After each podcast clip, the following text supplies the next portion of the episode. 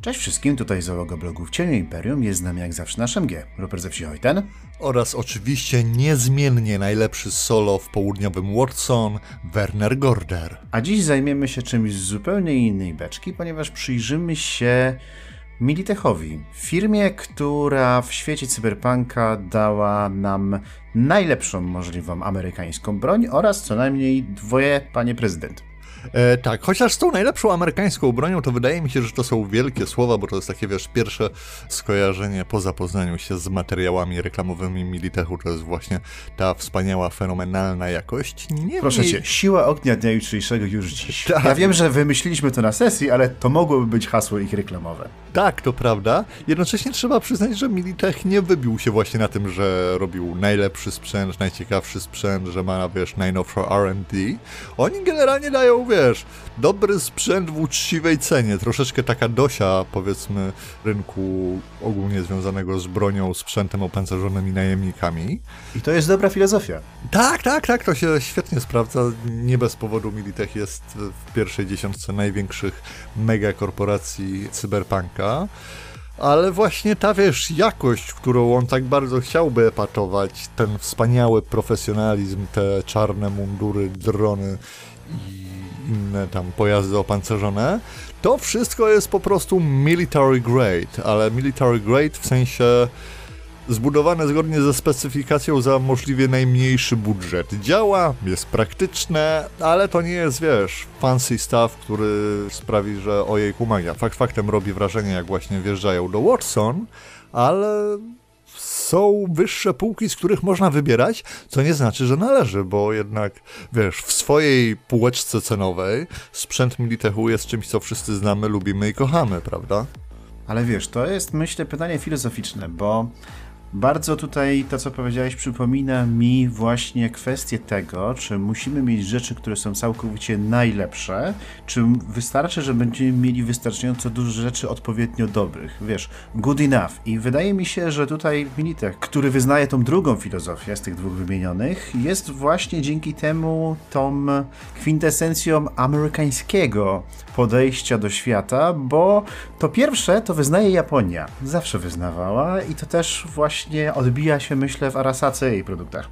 No niby tak, z drugiej strony, wiesz, no poza jest wszystkim, więc dlaczego iść, wiesz, po prostu w coś ze średniej półki, jeżeli są inne możliwości. Chociaż no, każdy z nas chyba był w tej sytuacji, gdzie właśnie, wiesz, poczciwy pistolet Militechu był tym, co ratowało go z opresji, no i za to jesteśmy wdzięczni, no ale mówię, to jest sprzęt, którego się używa, który jest po prostu praktyczny, no i relatywnie niedrogi, więc w ten sposób bym e, to jednak widział. Z drugiej strony wydaje mi się też, że dzięki braku przesady w filozofii i w perfekcjonizmie sprawiają to, że Militech może być jednym z lepszych pracodawców, powiedzmy, w takim Night City, bo wiesz, jest to traktowane jako praca, nie jako powołanie, które ma decydować o całym twoim życiu, przynajmniej jak na standardy megakorporacji, co wiadomo też jest e, osobnym jakby światem samym w sobie, ale właśnie wydaje mi się, że Militech, wiesz, jest ta kultura korporacyjna, która rozumie, że masz jakiś potem czas wolny, wiesz, są owocowe środy, te sprawy, a nie tylko wieczne i całkowite posłuszeństwo megakorporacji zawsze. W sensie to też jest niby oczekiwane, no ale wszyscy wiemy jak jest, pracujemy dla Militechu, nie dlatego, że to było nasze największe marzenie, ten, no ale jakoś rachunki trzeba opłacić, nie? Owocowe środy, obrotowe drzwi. Tak, młody, dynamiczny zespół. Dzisiaj w Militechu, jutro w rządzie Stanów. Tak, no bo to jest chyba taka druga ważna rzecz a propos właśnie Militechu. Fakt, jak bardzo jest powiązany e, z rządem Stanów Zjednoczonych, czy też nawet United States of America, co bierze się od samego początku, zresztą tak e, wracając na sekundę do historii o samych początkach, to z ciekawych informacji jest to, że Militech rozpoczął działalność jako firma prowadzona przez włoskiego konstruktora broni, niejakiego Antonio Lucchesi. Nazywał się Armatech Lucchesi International co w zasadzie fajnie dodaje klimatu tego, że wiesz, e, ta rdzennie amerykańska megakorporacja, która nam zapewnia wolność każdego dnia, dając każdemu członkowi rodziny e, inny kaliber do tego, żeby móc powoływać się na drugą poprawkę do konstytucji.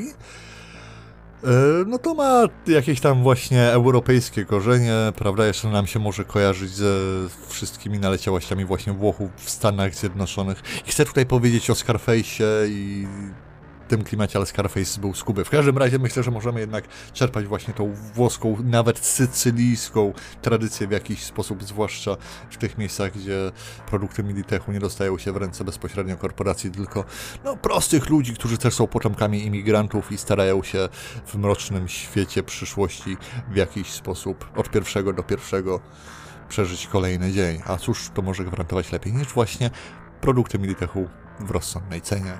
Kapisz? W każdym razie tak, tutaj jest kolejna taka hmm, rysa, nie wiem czy to można w ten sposób nazwać, natomiast cyberpunk bardzo różni się od tego, co znamy z naszej współczesnej historii. Chociaż mamy właśnie rok 2023 i powinna trwać, jeśli dobrze pamiętam, czwarta wojna korporacyjna, no to ten rozdział naszej prawdziwej historii od historii cyberpunka wydarzył się dawno, dawno temu. Cyberpunk wielokrotnie odbija te wszystkie lęki Amerykanów z lat 80., którzy na przykład nie wyobrażali sobie tego, że Związek Radziecki może przestać istnieć. W związku z czym w Cyberpunku Związek Radziecki istnieje. Jedną z największych potęg jest Japonia, która w latach 70., 80. produkowała te high-techowe sprzęty, co było przerażeniem dla Amerykanów przez pewien czas wtedy. No, tak się nie wydarzyło, a Europa w cyberpunku też jest jakąś dużą siłą i na przykład potęgą w kosmosie. Co jak wiemy się nie wydarzyło, ale w cyberpunku jest. A Stany same w sobie się rozpadły na kilka różnych podmiotów. I właśnie Militech jest tą rzeczą, która jest elementem amerykańskiej no, polityki, wpływów amerykańskich, zarówno na terenie starych Stanów Zjednoczonych Ameryki Północnej, czyli tam New United States, tak jak dzisiaj jest w cyberpunku, plus tych kilku wolnych lub powiedzmy półwolnych stanów, które istnieją na zachodzie, ale również w Ameryce Południowej, na świecie. Ja bym tylko chciał dodać, że może rok 2023 nie jest najlepszym rokiem na to, żeby narzekać na brak wojny. Znaczy masz na myśli nasz 2023 czy tamten tak 2023?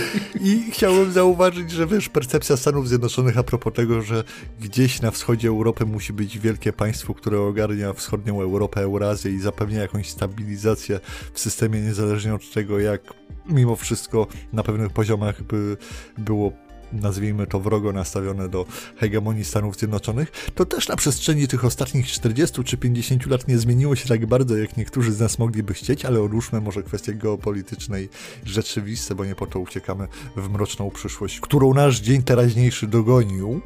Znaczy, wiesz co, z jednej strony dogonił, a z drugiej strony jest tak znaczy, mówię, tak datowo dogonił, miejscami. Wiesz, tak dogonił datowo. Tak, e, datowo dogonił, to prawda. Zdaje się, że w tym roku będziemy mieli szturm na główną siedzibę Arasaki w Arasaka Tower. No tak. jakoś w sierpniu, czy... E, sierpień, 20 sierpnia 2023 roku szykuje się mocna impreza w Night City. Skoordynujmy zegarki i będzie impreza. Tak. Fajerwerki będą. Tak, to prawda, świetny występ naszego ulubionego Johnego Silverhanda.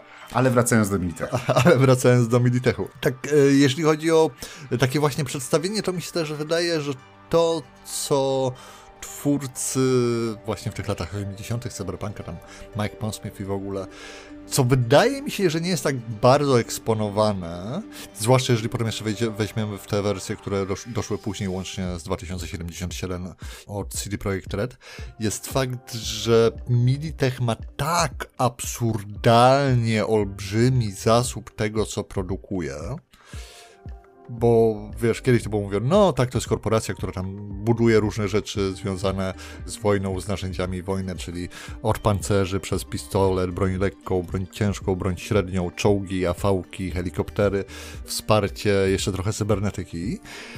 Więc gdyby się nad tym zastanowić, to jest tak absurdalnie ogromny zakres produkcji, tak absurdalnie wiele elementów się na to zakłada, że Militech musiałby być w sumie jeszcze większy niż jest to podawane, gdyby chciał to robić wszystko sam, ale wydaje mi się, że spokojnie możemy założyć, że większość produktów Militechu nie jest, wiesz, tak stricte i bezpośrednio robiona tylko przez sam Militech, tylko wiele tych produktów i komponentów używają od innych korporacji. I wiesz, to się wiąże i po prostu wkładają swoje podzespoły w różnego rodzaju produkty, bo fakt, żeby, wiesz, byli w stanie mieć całą produkcję związaną z bronią lekką, amunicją do niej, potem bronią ciężką, potem oczywiście czołgami, pancerzami, całą elektroniką, do tego dochodzi potem wszystko co lata, prawda, więc awionika, odpowiednie silniki do tego i tak dalej, to jest tak tak absurdalnie ogromny po prostu zakres tego wszystkiego, że ojejku. Z drugiej strony rzeczywiście trzeba przyznać, że Militech też nam się jawi tak naprawdę jako po prostu takie, wiesz, wolnorynkowe ramię wojska amerykańskiego i tych ich rozbuchanych wojskowych budżetów, DARP i tego typu rzeczy. Co jest o tyle zabawne, że zaczęło się właśnie od tego, że Stany Zjednoczone, te USA, upadały w latach 90.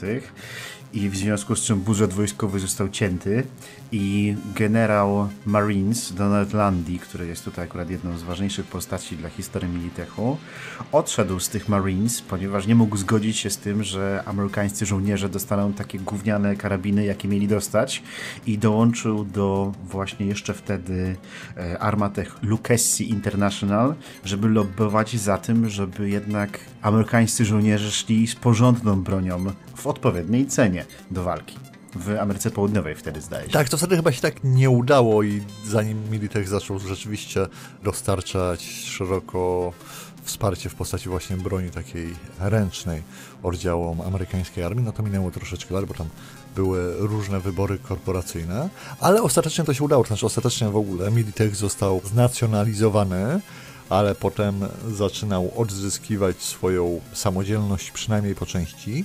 No już zwłaszcza w tym 2077 roku jest taką troszeczkę hybrydą z jednej strony rządowego właśnie kompleksu zbrojeniowego, z drugiej strony korporacji, która dalej walczy, wiesz, o swoje, ma swoich shareholders czy CEOs, upper management, którzy notabene bardzo często też wymieniają się stanowiskami, czy to właśnie w amerykańskim wojsku, amerykańskim rządzie, e, wspomniane przez ciebie panie prezydent, więc nie wiadomo tak na dobrą sprawę, gdzie zaczyna się Militech, a gdzie kończy się New United States of America. No za to wiadomo, że jeżeli można wybierać prezydenta New United States of America po cztery razy, to też nie wiadomo, kiedy kończy się demokracja, zaczyna już właściwie co? Korporacyjny, nie wiem, no, Dynastia korporacyjna? Dynastia korporacyjna to chyba sobie zostawimy na potrzeby Arasaki, ale to prawda. Z drugiej strony też, wiesz, z naszego prawdziwego świata trzeba przyznać, że Amerykanie mają ostatnio tendencję do niemalże dynastii prezydenckiej, gdzie jednym z prezydentów zostaje syn poprzedniego. Mieliśmy szansę na panią prezydent, która swego czasu była pierwszą damą. Kto wie, co będzie jeszcze z młodą Clintonową, więc wiesz, wciąż są szanse, że nasz świat to dogoni. A tak swoją drogą a propos naszego świata i doganiania mrocznych wizji przyszłości, to istnieje rzeczywiście w naszym świecie taka firma, która nazywa się Militech, no i zajmuje się tym, czym moglibyśmy się spodziewać, chociaż zdecydowanie na, nie na taką skalę, ale podoba mi się też to, że ich logo pasuje i w zasadzie mogłoby być e, w podręczniku do Cyberpunka 2020, bo jest, no jest po prostu brzydkie, wielkie litery Militech i gwiazdka, żeby było widać, że jest amerykańska. I jednym z ich e, lepszych produktów, którym się chwalą jest hełm NIG3, testowany i certyfikowany modularny hełm w czterech modnych kolorach, czarny, coyote brown, foliage green i mój ulubiony Oliver Drop. Więc jeżeli ktoś by chciał mieć coś naprawdę cyberpunkowego i militechowego, nie trzeba chodzić po sklepach e, z RPGami, można jak najbardziej wejść na główną stronę Militechu. Nie jest to taka ogromna korporacja, bo miał jakieś 2000 fanów na Facebooku, no ale wciąż coś jest. No coś, coś. Znaczy, mo może i Wiele dobrze, że tak mało. Jeszcze może i dobrze. Tak. Tak, natomiast no właśnie ja mam tutaj taki problem z tym e, mechanizmem revolving door, jaki jest pokazany w cyberpunku, bo rzeczywistość okazała się być dużo bardziej skomplikowana. To znaczy takie zjawisko jak najbardziej istnieje, tylko jest na dużo bardziej subtelną skalę robione. To znaczy to, że ktoś był jakimś sekretarzem, a potem pracuje w jakiejś firmie zbrojeniowej, a potem znowu trafia znowu do, do administracji następnego amerykańskiego prezydenta i tak to się kręci, dzieje dzieje się od lat. Natomiast e, nie było jeszcze, może na szczęście w naszych czasach, w naszym świecie, a może jest, nie jestem tego świadom po prostu, ale wydaje mi się, że nie było jeszcze aż tak bardzo bezczelnego przykładu, że szef wielkiej korporacji, czy w tym wypadku szefowa wielkiej korporacji, zostaje prezydentem Stanów Zjednoczonych Ameryki Północnej i to jeszcze w dziwnych okolicznościach, to znaczy ona była wiceprezydent, a prezydent umiera, więc jest zaprzysiężona awaryjnie i nikt nie zadaje żadnych pytań. A tak było właśnie w przypadku prezydent Elizabeth Kress. No tak, no wiesz, to z drugiej strony jak spojrzeć na ogrom właśnie kompleksu wojskowego przy rządzie Stanów Zjednoczonych i wiesz, korporacje takie jak Lockheed Martin i to, jakimi tam się kontraktami, budżetami i na ile lat jest rozpisywane. Wszyscy gdzieś tam pewnie przeglądaliśmy jakieś te wiadomości jeszcze parę lat temu, chociaż to się wciąż pojawia o tych F-35, jak one zostały tam przekładane to wiesz, to w rzeczywistości działa tak dalej, po prostu fikcja to podkręca, żeby to było bardziej, wiesz, łatwiejsze do spożycia i bardziej jednoznaczne, ale... Tak, ale mi się wydaje, że właśnie bardziej mroczne jest to, co się dzieje w rzeczywistości, a nie w fikcji. No tak, ale po, po coś do tej fikcji stara, staramy się uciec, prawda?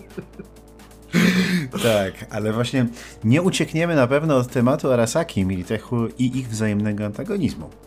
Tak, notabene to jest taki antagonizm, który pomimo tego, że tutaj mamy do czynienia wiesz, z ogromnymi megakorporacjami mającymi mieć placówki jednak na całym świecie, te swoje produkcje i inne e, miejsca, to jest to dość taka personalna rywalizacja właśnie prowadzącego na początku e, Militech e, Donalda Landi. Z drugiej strony oczywiście Saburo, który zakładam, że nie potrafi za bardzo traktować rzeczy nieosobiście. Chociaż też się zastanawiam, na ile to nie jest, wiesz, taki uczciwy podział rynku i czy to tak na dobrą sprawę nie wzmacnia pozycji ob, obu megakorporacji, bo nawet w Night City wielka kwatera Militechu jest dokładnie naprzeciwko nowej Arasaka Tower. I że wiesz, to część taka public relation narracji, którą się buduje właśnie, że możesz się opowiedzieć z jednej ze stron, gdzie Militech, wiesz, de facto ma dużo większe wpływy w całym New, e, New United States. E, obecność Arasaki jest bardzo limitowana, chociaż już jakaś jest. No z kolei w Japonii jest odwrotnie, nawet jeszcze bardziej na niekorzyść Militechu, bo tam jest już tylko Arasaka. Więc wiesz, nie wiem, czy to oni tak troszeczkę nie, nie jest specjalnie budowana ta narracja, wiesz, na potrzeby, żebyś mógł się bardziej zżyć e, z megakorporacją, która i tak cię posiada. Wiesz co, nie wiem. Z drugiej strony jest dużo łatwiejsze wytłumaczenie, mianowicie takie, że generał Donald Landy po prostu nie lubił Jobs. Tak, ja myślę, że odrobina takiego właśnie klasycznego amerykańskiego rasizmu z lat 80. też jak najbardziej tutaj pasuje do tego wszystkiego. jak najbardziej. No i generalnie historia jest taka, że w czasie czwartej wojny korporacyjnej, czyli mamy rok 2021. Ha. To jest Dwa strasznie zabawne, jak właśnie do... Proszę? Dwa lata temu. Tak, dwa lata temu. To jest strasznie zabawne, jak dochodzimy do tych e, lat historii cyberpunka, które przeżyliśmy już. No w każdym razie, był 2021 i dwie takie korporacje, jedna francuska, druga amerykańska, jedna Sino, czyli ta francuska, wbrew nazwie, to nie jest od Chin. I OTEK obydwie specjalizowały się w badaniach oceanów i eksploracji zasobów właśnie znajdujących się pod wodą czy tam pod dnem morskim. I oby rozpoczęły taki konflikt jakby właśnie o te zasoby, no i żadna z nich nie była w stanie pokonać przeciwnika samemu, więc zwróciły się do korporacji wojskowych. Odpowiednio Sino, czyli Europejczycy do Arasaki, a OTEK do Good Old American Militech. No i sytuacja rozwijała się na różne sposoby. Ostatecznie i Sino i OTEK zawarły porozumienie jakieś tak pokojowe, ale w międzyczasie konflikt pomiędzy Arasaką i Militechem wszedł na kolejny poziom i one kontynuowały tą wojnę nawet po tym, jak ci, którzy na początku ich wynajęli, zawarli własny traktat pokojowy. Skończyło się to w ten sposób, że Militech wyekwipował słynnego rockera, o czym już wspominaliśmy przed chwilą, Johnego Silverhanda razem z ekipą w taktyczną głowicę jądrową, którą Silverhandowi, to jest zupełnie inna historia, udało się wsadzić do biura Sabura Arasaki w Night City. Atomówka eksplodowała, jakieś od pół miliona do 750 tysięcy osób zginęło z tego powodu, a New United States zrzuciło winę za wszystko na Arasakę, która została zmuszona do opuszczenia terenu całych New United States. Tak, powiem Ci szczerze, że jak opowiadasz o tym całym zajściu w Arasaka Tower, to sam czuję, jakbym tam był. Tak, ja też. Możliwe... I strzelam z tego wilgaśnego kopyta, chociaż ono akurat nie było produkcji Militechu. No, ale wiesz, no to jak mówi stare przysłowie, nie sraj tam, gdzie jesz, nie będziesz brał broni Militechu na tajną misję Militechu, bo to jest po prostu mało higieniczne. To prawda. W każdym razie w ramach Falloutu, pan intended, po tym wybuchu, zasoby Militechu były nacjonalizowane przez pewien czas, no ale tak jak mówiliśmy, właściwie nie wiadomo kiedy kończy się Militech, a zaczynał się rząd, więc kiedy rząd nacjonalizuje Militech, a marka Militech istnieje nadal, to Militech i jego najemnicy również są traktowani po prostu jako zasób rządowy więc to zawsze było wymienne, a po wydarzeniach 2023 było jeszcze bardziej wymienne, więc tutaj w zasadzie niewiele się zmieniło. Tak, tak a propos właśnie jeszcze może ludzi Militechu, tutaj chciałbym dodać, tak jak na samym początku mówiłem o tej, wiesz, średniej jakości za rozsądną cenę, tak samo ma się to właśnie de facto do załogi ludzkiej Militechu, tą, którą można wynajmować, bo Militech oprócz całego sprzętu dostarcza również siły zbrojne w postaci najemników. To tutaj też jak najbardziej się kwalifikuje to, że te siły zbrojne, jakie oni przeznaczają dla swoich klientów, to są takie regularne wojska piechoty, które czasami jakąś tam mają specjalizację, ale wiesz, to nigdy nie są najemnicy z tego wierzchołka góry lodowej i legend Night City czy czegoś takiego, to są po prostu no takie wiesz, typowe granty właśnie z, dobre, z dobrego amerykańskiego Fort Bragg czy czegoś takiego. Po jakimś tam treningu, mają ten swój sprzęt, który jest im przydzielony, mają swoją dyscyplinę, no ale to nie są właśnie jacyś wyjątkowi i cudowni najemnicy w lśniących borg zbrojach, jak to potrafi robić Arasaka, tylko wiesz, no wiesz za co płacisz, płacisz za zwykłych żołnierzy, dostajesz zwykłych żołnierzy. Militech oczywiście na swoje potrzeby dysponuje jakimiś jednostkami specjalnego przeznaczenia, które są takiego troszeczkę wyższej kategorii specjal- siły specjalne, tego typu sprawy, ale na, jeżeli chodzi o kwestię tego, co oferują swoim klientom, to są właśnie takie, wiesz, typowe zielone mundury dostania w tym czy w tamtym miejscu zdobywania tego czy tamtego tym typowym wojskowym sprzętem. Takiej też w duchu takiej pięknej amerykańskiej tradycji na swój sposób. Przynajmniej tak ja bym to widział. Co, jak ja już wspominałem, mówię, myślę, że się też e, dobrze przekłada na kwestię poszukiwania pracy w Night City, bo myślę, że do Militechu jak najbardziej cv można słać i nie trzeba się za bardzo martwić, że tam czegoś brakuje, że ktoś miał gdzieś tam przerwę w zatrudnieniu, czy ten Militech widzi potencjał w wielu ludziach i pozwala ci go zrealizować. No, myślę, że jak najbardziej. Jak najbardziej. Jak nie tu, to zawsze możesz zostać wysłany na jakąś placówkę. Dokładnie, chociaż a propos wysyłania na placówek, to trzeba przyznać, że Mlitech też spojrzał e, w gwiazdy i tam właśnie po 2077 planuje konstruować nową kolonię na Marsie i już sprzedaje moduły mieszkalne na czerwonej planecie, co wiesz, też już nas troszeczkę odcina, jednak będąc mocno osadzony wojskowymi butami w historii, spogląda świetlaną przyszłość.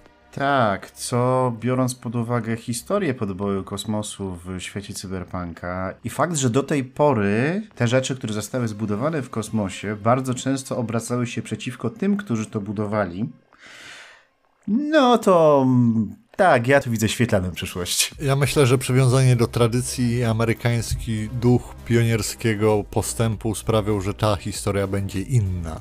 I z pełnym optymizmem, wiesz, patrzę na przyszłość Militechu, bo czemu by nie? Tak, a myślę, że my też będziemy z pełnym optymizmem patrzeć na przyszłość tej serii. Jak najbardziej. Przy okazji chcielibyśmy też gorąco podziękować pani Meredith Stout, która nam e, służyła jako taki liaison z Militechem, dając nam wszelkie informacje, jakie prosiliśmy i parę rzeczy, o które nawet nie musieliśmy prosić, więc pozdrowienia dla Meredith. Mamy nadzieję, że nic się nie stanie, prawda, z tego powodu. E, tak, tak, tak. Uh, thoughts and prayers. Mhm. Mm, polityka korporacyjna potrafi być zabójcza.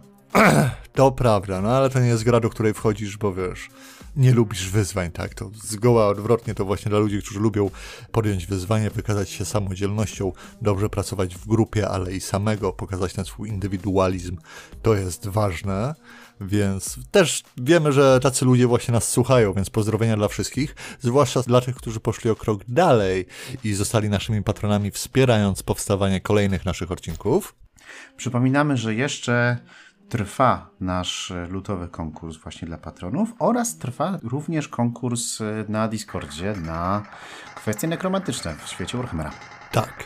Tymczasem, jeżeli Wam się podobało, czekamy oczywiście na Wasze lajki, suby i zapewnienia o wiecznym oddaniu korporacji w komentarzach poniżej. Dajcie nam znać, co są... I NDA. I NDA, dokładnie. Dajcie nam znać, co sądzicie o tym odcinku. E, rzucajcie oczywiście pomysłami na kolejne, a my słyszymy się w kolejny wtorek, już w troszeczkę bardziej nam wszystkim znanym Starym Świecie.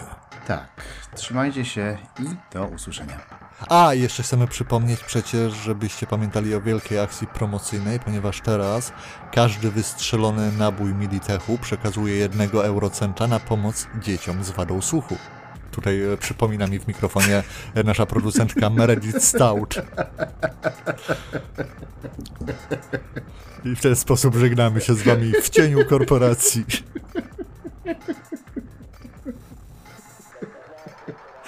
Tak, każdy wystrzelony nabój Militechu to jeden cent przekazany na pomoc dzieciom z wadą słuchu.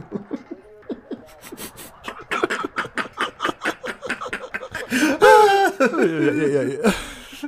Bo ja bym zostawił tę końcówkę jak jest.